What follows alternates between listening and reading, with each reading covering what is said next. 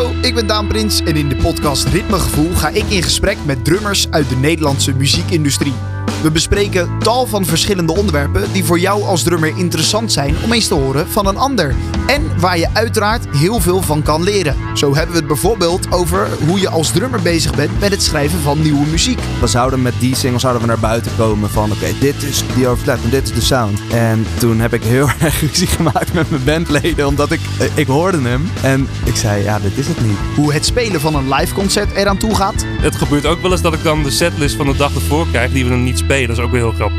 Dat ik dan compleet verkeerd liedje zet. Waarom bijvoorbeeld de houding zo belangrijk is voor jou als drummer. Houding is ook gewoon heel belangrijk voor je sound. En daar heb ik dus ook weer een programmaatje voor eh, bedacht. Hoe de drum setup eruit ziet. Dus eigenlijk zijn alle setups die ik altijd neerzet een kopie van de ander. En natuurlijk waarom drummen gewoon zo ontzettend gaaf is. Ik vind het leuke uiteindelijk dus bijvoorbeeld aan een bandje spelen, of in dit geval Max.